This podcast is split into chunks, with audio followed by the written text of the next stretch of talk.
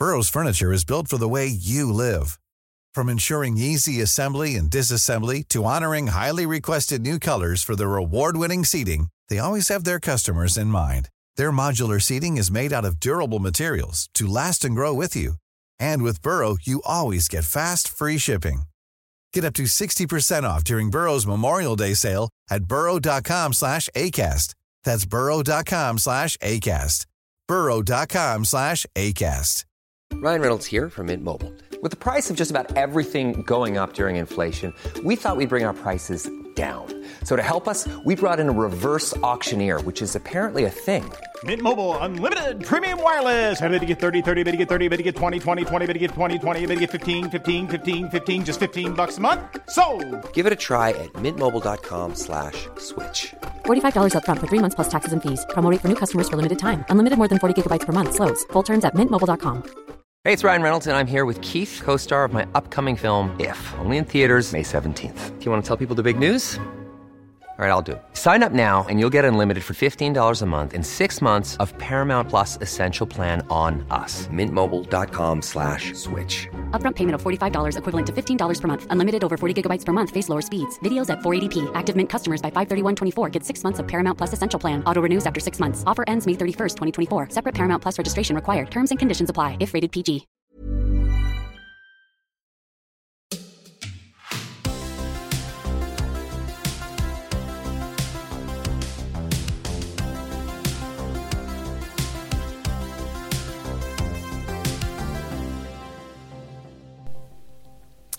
Hej och välkommen till Klocksnack med Denke och Berns. Idag är det jag, Fredrik Berns, som ensam håller i spakarna. Och idag ska vi få träffa en person som några av er kanske känner till. En person som har gjort ett stort avtryck i klockvärlden med sina artiklar på sin sajt Periscope. Hans namn är José Perez. Varsågod.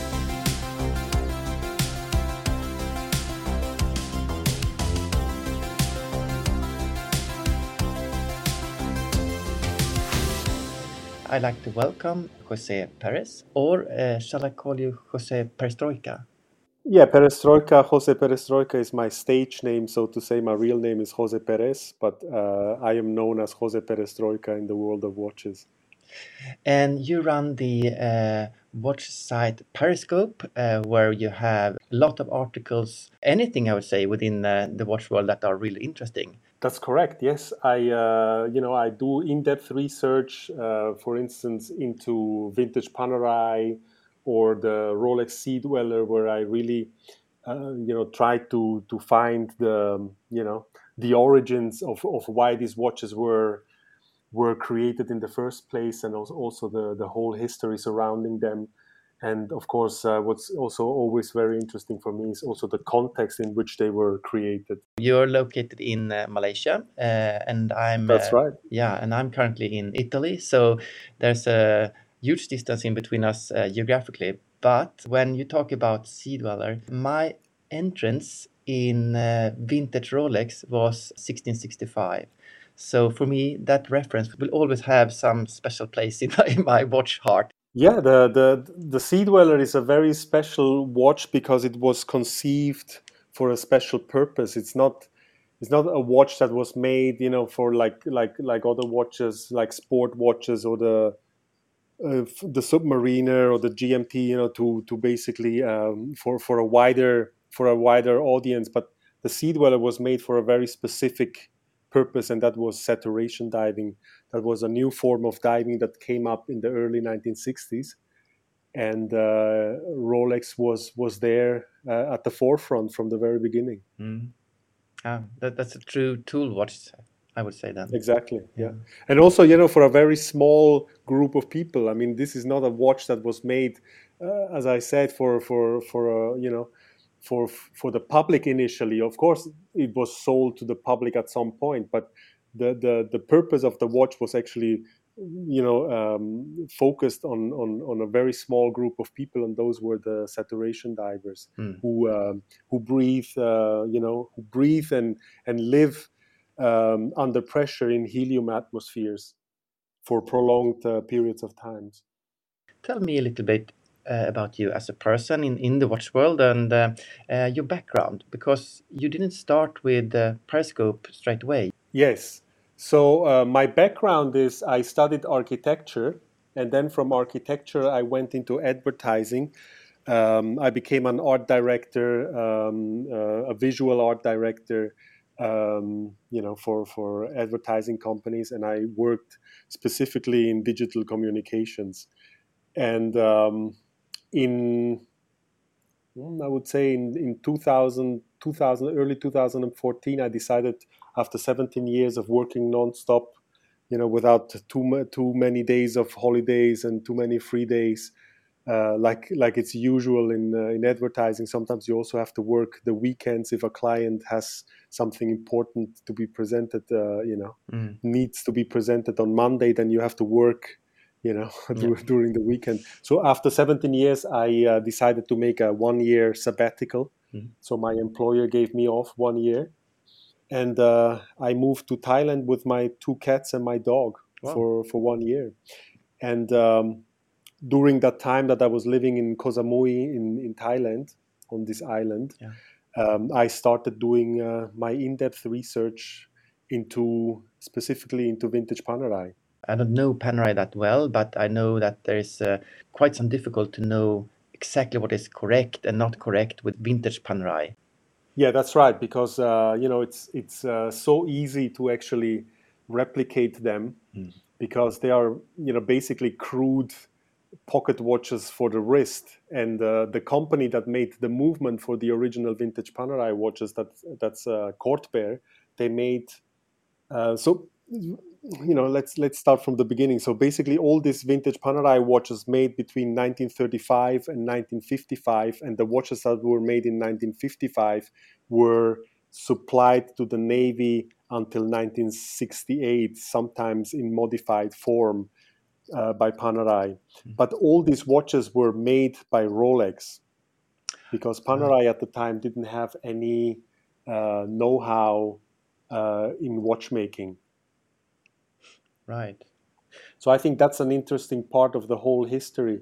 And in the past, uh, you know, uh, it is it is it is a known thing that uh, you know all these watches had Rolex movements, and uh, but that's not it. I mean, the whole watch was actually made by Rolex, and the only uh, part that was provided by Panerai were the dials.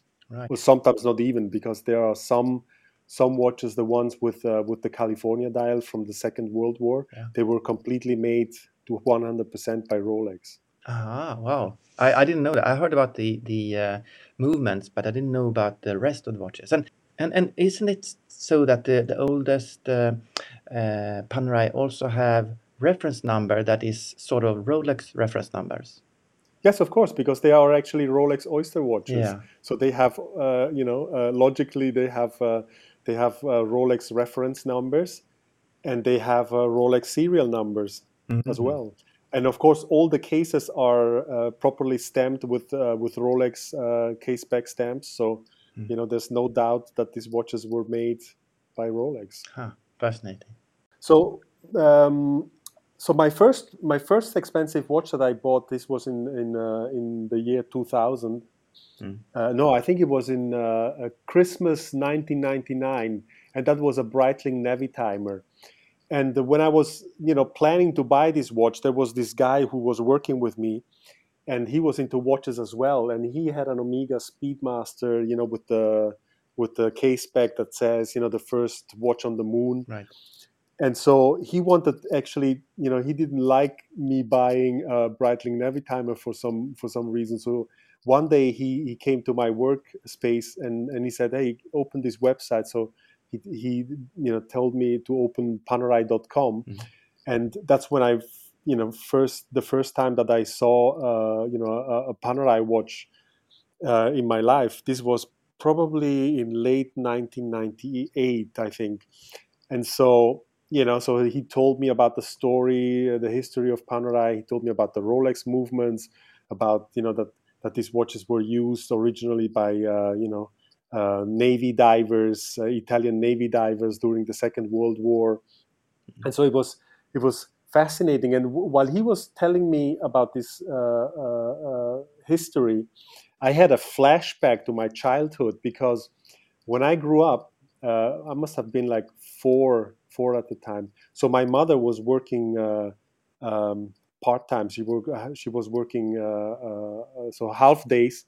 Um, I was I was spending with with an Italian family with neighbors of us, and so these Italian neighbors they had like uh, on the window sill they had like piles of Italian comics, mm. the so-called fumettis and uh, and so most of them were you know western you know like wild wild west comics and some some some italian superheroes and stuff and there were a handful that were about italian navy divers you know like like saboteur divers and you know like mm-hmm. secret agent divers and stuff like that and this was really fascinating i loved them as a kid and so when this guy was telling me about panerai and the history you know about these navy divers i had a flashback to my childhood to these comics that I was always browsing through when I was a kid, right? Yeah. So I had an immediate connection, immediate connection with the brand. That's so great. Yeah. Yeah, so so so I you know I, I went on and bought the brightling Breitling Navitimer anyway anyway because I just I just loved the design and I thought it's such a complete watch as a chronograph and it just looks so so classic and so you know so it's it's just gorgeous and uh, the second watch that I bought uh, one or two years later was a Rolex Submariner. Mm-hmm. And then my third watch became then a Panerai 1, uh, 111, mm. the one with the sausage dial. So that was my first Panerai that I bought. Ah. Yeah. I've actually had uh, 112, uh, Panerai 112. They're not yeah, so the one, similar, right? Yeah, the 112 is the same, is basically the same model, but without the, the small second at 9 right. o'clock. Uh, do you have an uh, Panerai today? Uh, no modern Panerai, no. no? Uh, I am uh, very uh, disappointed with the modern brand. And this has to do with, you know, the more I study the, the, the real history of, of, of Panerai and, you know, the connection to Rolex and, and also things that I found out about the modern Panerai company later, you know, that they are, you know, trying to, to pass like uh, you know uh, off the shelf movements, ETA movements with um, with chronograph modules as as in-house movements and stuff. I also wrote about this in my on my website. Um, I am you know really you know the Panerai is not not a brand that at the time I would consider buying any watches from there. I see. Uh, we will of course link to your website at the podcast show notes, of course. Well, we talk about your your website and, and your articles there. You have wrote a number of articles. What an amazing job and what an amazing research you have done. Thank you. Yes, well, I mean, we are talking about the biggest names in the in the watch industry, right? In mm-hmm. the vintage uh, watch world. So it's uh, it's it's you know it's it's not always easy. Yeah. Um, but I think uh, it is important that you know these discoveries are out there uh, for for collectors to to understand what is going on and uh, for them to you know mm-hmm. to help them make uh, proper uh, investment decisions because there's there's a lot of um, you know shenanigans going on with uh, you know assembling watches from parts and stuff. Uh, if if not outright fake, you know, with fake cases, and you know, some sometimes they use fake cases, but install like original dials so the watch will look original mm. but you know the the case is then fake uh, you know on a, on a closer look so there's there's a lot of this type of things going on and this is also you know um, the reason why i'm able to to publish these articles is you know is a, they this is a result of my my in-depth research. So in the first place i'm i'm interested in in researching watches and their history. Mm. But to do that, what I do is I um, document all watches that I can find that were sold over time, you know, that are in auction catalogs or were sold by private dealers or whatever, or people who send me their watches. This is also something that is uh, happening more and more. That you know, collectors who have uh, who have uh, this type of watches, they they want me to check whether their watch is is, is, is all right, and in return, they gave me they give me all the you know all the details pictures of of the case numbers the engravings between the lugs and stuff like mm. that of the movements so that i can document them properly in my database mm. so all these discoveries are only possible thanks to to my databases which are part of of my research That's amazing. because Yeah. you know when when I, I realized early on that there's a lot of misinformation out there or you know uh, just you know made up stories by dealers who who created stories to sell a watch for a premium you know because stories is just uh, uh, is just what what people love right i mean if you if you buy a watch it's uh, it's so interesting to buy a watch that has a certain history and if you know even it has a certain provenance and maybe if if it is a military watch it was used during a certain mission or whatnot. I mean that's that's what what really makes collecting fascinating right? Yeah.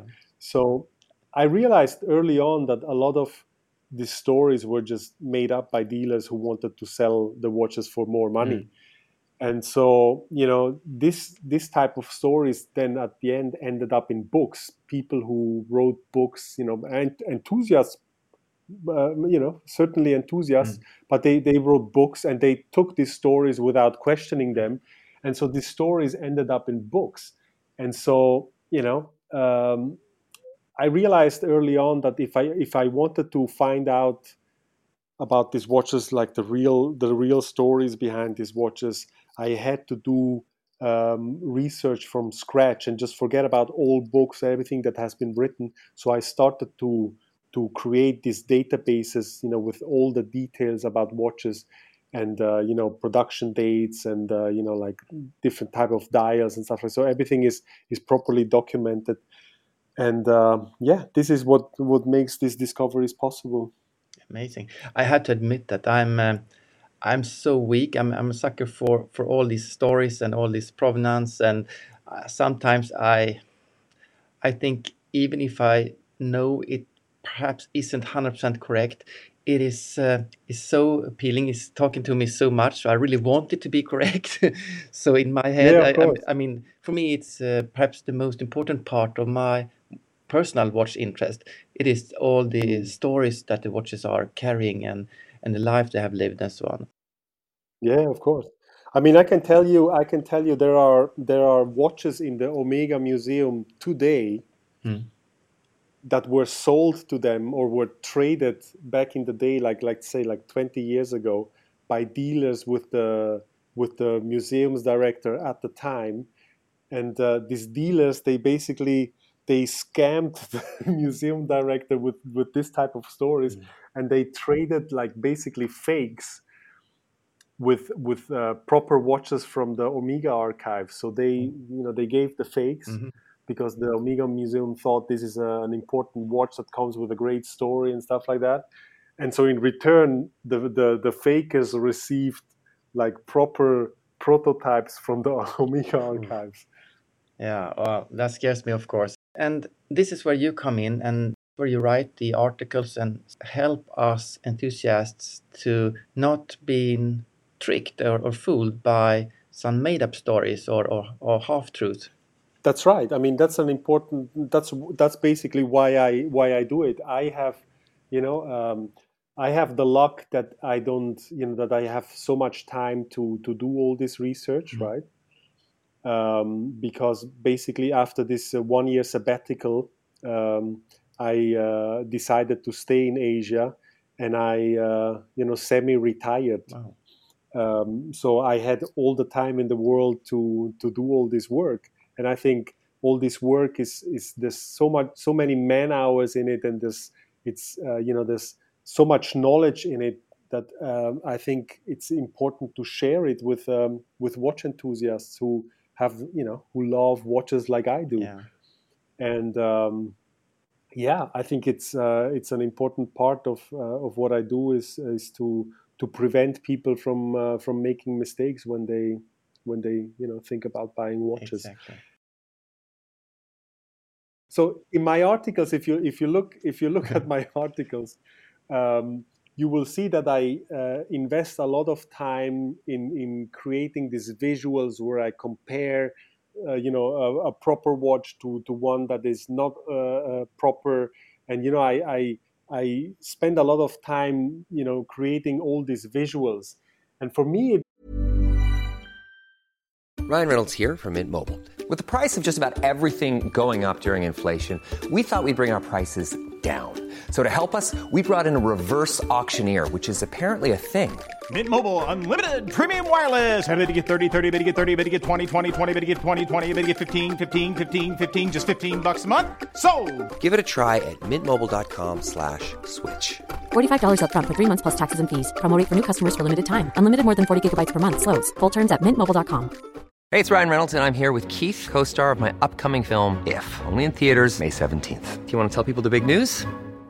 All right, I'll do it. Sign up now and you'll get unlimited for $15 a month in six months of Paramount Plus Essential Plan on us. Mintmobile.com slash switch. Upfront payment of $45 equivalent to $15 per month. Unlimited over 40 gigabytes per month. Face lower speeds. Videos at 480p. Active Mint customers by 531.24 get six months of Paramount Plus Essential Plan. Auto renews after six months. Offer ends May 31st, 2024. Separate Paramount Plus registration required. Terms and conditions apply if rated PG. It's important that the collectors who read my articles they just don't just believe what I say, but that they see it with their own eyes, right? Right. So for me, it is important not only to to basically warn collectors, uh, you know, from from certain uh, watches, but also for them to to see it with their own li- eyes and hopefully learn something you know? So that next time when when a watch like this comes up that they can you know figure it out themselves. So with that, is also a sort of an, an educating um part uh, for the watch watch community. Yeah. hopefully. Mm. yes hopefully. Uh, i think that's that's that's very important to me. And uh, regarding what you said yeah there, there are people out there who who know these things. You know they have you know that this thing have been going on for for the past 20 30 40 years um, you know and, and they know exactly which watches are okay and which watches are not okay but you know they don't make this public and they don't make this public because they are invested in these watches themselves and so they don't want to damage the market with you know with uh, basically making public that there's there's a number of uh, you know highly questionable watches out there that would you know in uh, in some cases um, you know uh, create doubt and then people wouldn't be interested in these watches anymore and uh, maybe the you know the market would crash. So these people are mostly interested in you know the pricing the prices going up constantly. And so that's why they only talk about you know uh, this this is not this isn't this watch is not okay but they wouldn't go into detail because they also don't want other people to learn what the problems are of these watches right there are people who actually help others. I mean if you if you are well connected to to you know let's say like some some I- italian scholars uh, or you know some some dealers and and if you are interested in a watch and and you contact them and say hey what, what do you think of this watch? they will tell you hey no forget about this watch or yes this watch is okay but they won't go into detail. But so this these people they know now of course they know the same uh, things that that I know but that I figured out myself. I mean these people might have figured it out you know uh, during during the their business you know. Um, but I I never dealt with watches so my my whole research is is basically is based on um, you know on on my databases. Interesting, yeah. And that could be also for the listeners of the podcast good advice that if you have doubt or if even if you don't have doubt about a certain watch, uh, reach out to other watch collectors or perhaps uh, dealers and, and ask them. Yeah, I think that's that's an important thing to do, and I also uh, would advise to to reach out to a number of people, not just one, and uh, and see what you know to have uh, you know more opinions than only one. Can I ask you then? Uh, uh, this this might be a little bit of a personal question, but in my opinion, a lot of us are really good at uh, details. We memorize anything from reference number to uh, when you come to vintage, you, re- you, you memorize also different iteration or or like MK1, MK2 dial for this Yes. specific uh, watch and so on. How much of this in your database do you know by heart? I mean, I guess you know a lot without even have to open your database. That you have like this photographical memory. Well, I have um, I have especially the vintage Panerai watches, which I studied like really uh, in depth. Um, you know, some some watches I, I really know from memory. So when they come up at auction or stuff, I, I know exactly what watch, what serial number mm. it is, and and where to find it in my database with all the details. Uh, also, you know, with with some vintage Daytonas that I, you know, that that have a special place uh, in my research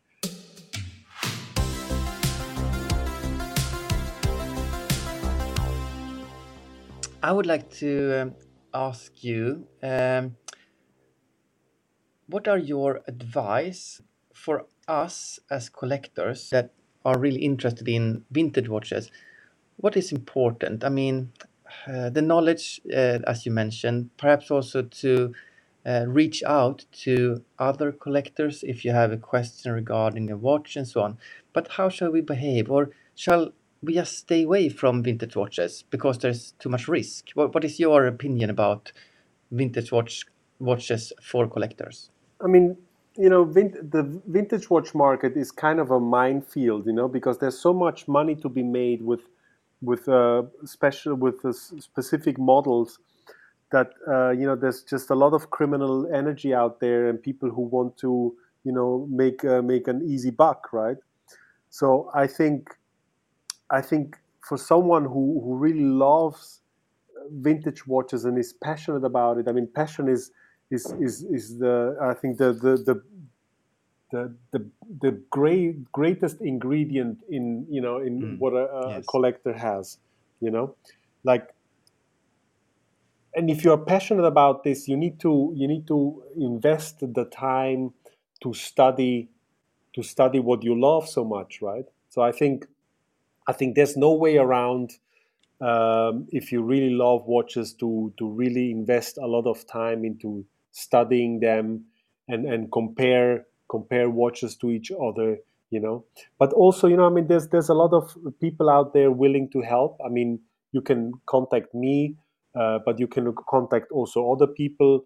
Uh, as i said earlier i think i think the the best way forward for a collector is to to um, try to have uh, you know different opinions and then based on these different opinions then uh, um, you know make your your own decision you know at the end.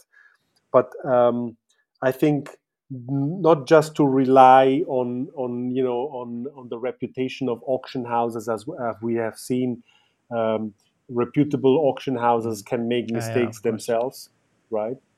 So um, so I think I think it's it's really it's really a, a, buyer beware market. So if you if you are really passionate about these watches, you need to do your homework, and you need to reach out to to people who who mm. have experience in this field, and um, yeah, I mean also you know just just be how to say I mean people are generally willing to help. So you know you just have to be you know mm, exactly. uh, just reach out to people you know some, sometimes sometimes you are a little bit afraid oh you know will mm. this person talk to me or not but you just have to try right and i think in most cases in most cases you know people will get an answer because uh, generally from my experience people are willing to help what is in your opinion okay okay to do with a watch is it okay uh, to for example change uh, the dials to period correct dials on a uh, vintage Submariner, uh, and so on. Uh, what is okay, in your opinion, to do with a vintage watch? Yeah, I mean, th- there's no there's no rules for for what is okay or, or what not. You know, this is all just based based on on opinions. You know, exactly. Uh, so some people will say, yeah, it's okay to do this, this, and that. You know, um, for for me, it's like like I said before, like swapping dials. You know, uh, swapping uh, uh, a dial that is not so nice for one that is nicer, uh, that is the same the same type of dial, you know, is is for me uh, something that that you do just to have a nice watch. So the, I don't see any issue with that. Of course, it would be nice if you do that to disclose it, but I don't think that's that's even something that needs to be disclosed because it's if it is the the exact same dial, but it's just a dial that is let's say one dial was damaged, but you find a very nice dial and then you swap it. I think that's that's an okay thing to do, even with a movement as well. You know, I mean, if you if you change a movement, as long as it is a, a, a movement from the same period, I mean, it's always a little bit difficult, you know, because some some um, some models have movements that don't have serial numbers and stuff. So, you know, um, I think I think, but this is all all the kind of things that that I think it's it's all right to do. If you, for instance, have a movement that this has a water damage or is rusty or whatever, you know, mm. it's also something that you can you can do in order to to have a to have a beautiful watch, right? And I don't think that needs disclosure, but I think the moment you you swap a dial for a more special dial that makes the watch something that it is not. Uh, uh, let me give you an example. For instance, um, for instance, uh, uh an early Rolex, vintage Rolex Daytona 62, 63. Um, like a like a like a oyster, you know, with an oyster dial, yeah. Paul, Paul, Newman oyster dial, right? Mm. So you have one with a white dial, but then you find a oyster sotto dial, right? You know what an oyster sotto dial is? No, tell me what is a sotto dial. So an oyster sotto dial is basically a three-color Paul Newman dial, where from a 62, 62 or 62, 64 mm. that Rolex basically gave to Singer to um, to be modified into an oyster dial for for a very small number of watches that they made with with black dials, right? Because right. normally the the most part of the of the oyster Daytonas, you know, with the screw down pushes, yeah. the Paul Newman dials are white, but then there are a handful where the dials are black. So these dials have been have been modified by Singer at the time, and they added the oyster underneath the Rolex Cosmograph print. Ah. So normally on the white dials you have Rolex Oyster Cosmograph, but on the black dials you have Rolex Cosmograph Oyster. So the name Sotto means Italian is Italian for um, beneath or underneath. Mm-hmm. So yeah. that's why it refers to the oyster sotto that is underneath, basically, and not in the center, in between, right? Mm. And so these these watches are extremely sought after, and they only made very little pieces. I mean, so far there's like maybe 20 watches known. And if you take like a, a watch with a white dial, and then you find an oyster sotto dial and install that dial and make out of a watch that is worth maybe 300 400 you make a watch that is worth 800,000 mm. double the price because it has an oyster sotto dial i think that's that's the point where where i think that's not something uh, that is legit to do because mm. you basically change you change the the type the type of watch that it is you know mm. it, it wasn't born this way. So what makes an oyster sotto extremely rare is that they only made you know like maybe 50 pieces in total right? Right. And they are very rare. So you know if, if you if you swap a dial from a from a from a normal uh, um, paul newman normal normal in uh, you know in quotation marks because even even those watches are very valuable. But you make you make basically a watch that wasn't born like this. And i think that's that's the point where i say swapping the dial in in in uh, you know uh, in this way is is not in my in my eyes it, it is not legit. It is not something you should do. And and i understand that it's done because there is a lot of money to be made out of it uh, Yes, so, if you go to my website, you will find one article. Uh, there was uh, one oyster sotto that was offered um, by Christie's in Hong Kong. This was like maybe two years ago. Mm. And the watch belonged to a very famous uh, Hong Kong actor and uh, who is also a Rolex, uh, very um, respected Rolex uh, collector. And I wrote this article where I can show you that the watch actually before had a white dial and then it was swapped into this, you know, it was, uh, they, they, made a oyster sotto out of it. And uh, the interesting thing is that um, the watch didn't get one single bit after my article, so it remained unsold. Mm-hmm. And it was a huge scandal in, in Hong Kong and also Taiwan because this guy is also very famous in Taiwan. Ah. And then uh, you know he went through all the watch forums and uh, you know people were talking about, and he even was invited, uh, you know, uh, on on podcasts or you know something similar like podcasts. Mm. Uh, you can find it on on YouTube where he talks about how he bought this watch, and uh, you know it was a big, which a huge huge thing in in uh, you know in Asia. So they were expecting one million for this watch, and then it remained unsold. Whoa. Because of course nobody wants to buy a watch that is uh, no. has been altered like this, right? Exactly.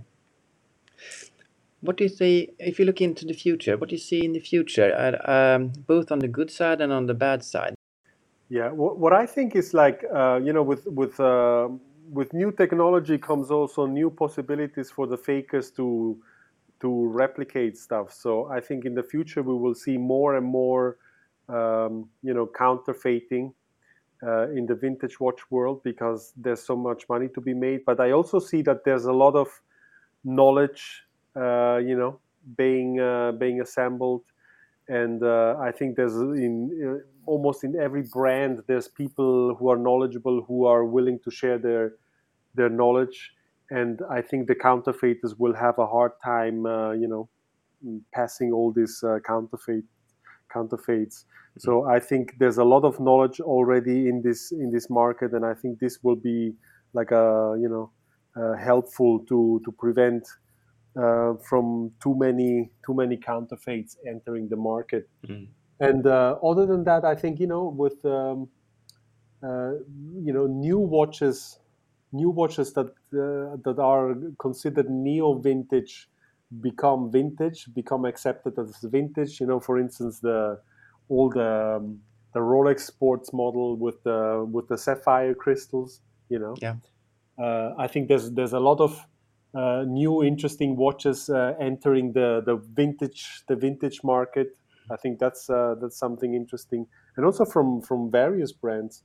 You know, I think it's it's similar with um, like as with uh, with cars. You know, um, it's also like in the meantime, cars from the 90s, uh, from the early 90s, are also already considered vintage, right? So you you have a you have uh, if you love vintage, you have a a new a new range of, um, of, of models actually entering entering and becoming vintage, mm. which is uh, very interesting. Mm, I agree.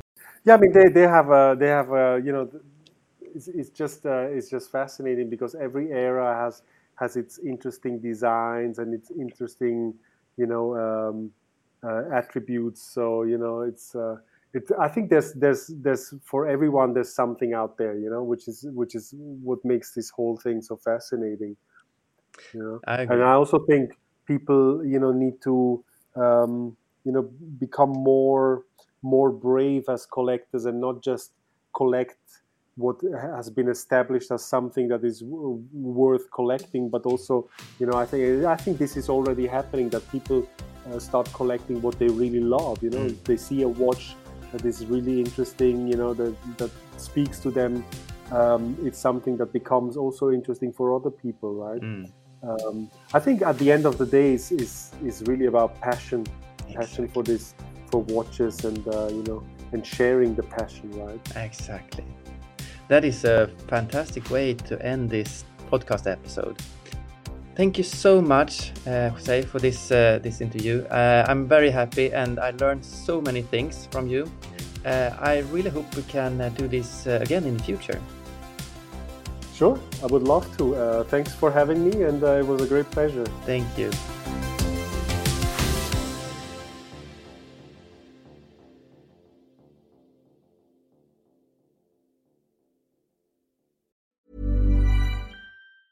Planning for your next trip? Elevate your travel style with Quince. Quince has all the jet setting essentials you'll want for your next getaway, like European linen, premium luggage options, buttery soft Italian leather bags, and so much more. And it's all priced at 50 to 80% less than similar brands. Plus, Quince only works with factories that use safe and ethical manufacturing practices. Pack your bags with high-quality essentials you'll be wearing for vacations to come with Quince. Go to quince.com slash trip for free shipping and 365-day returns.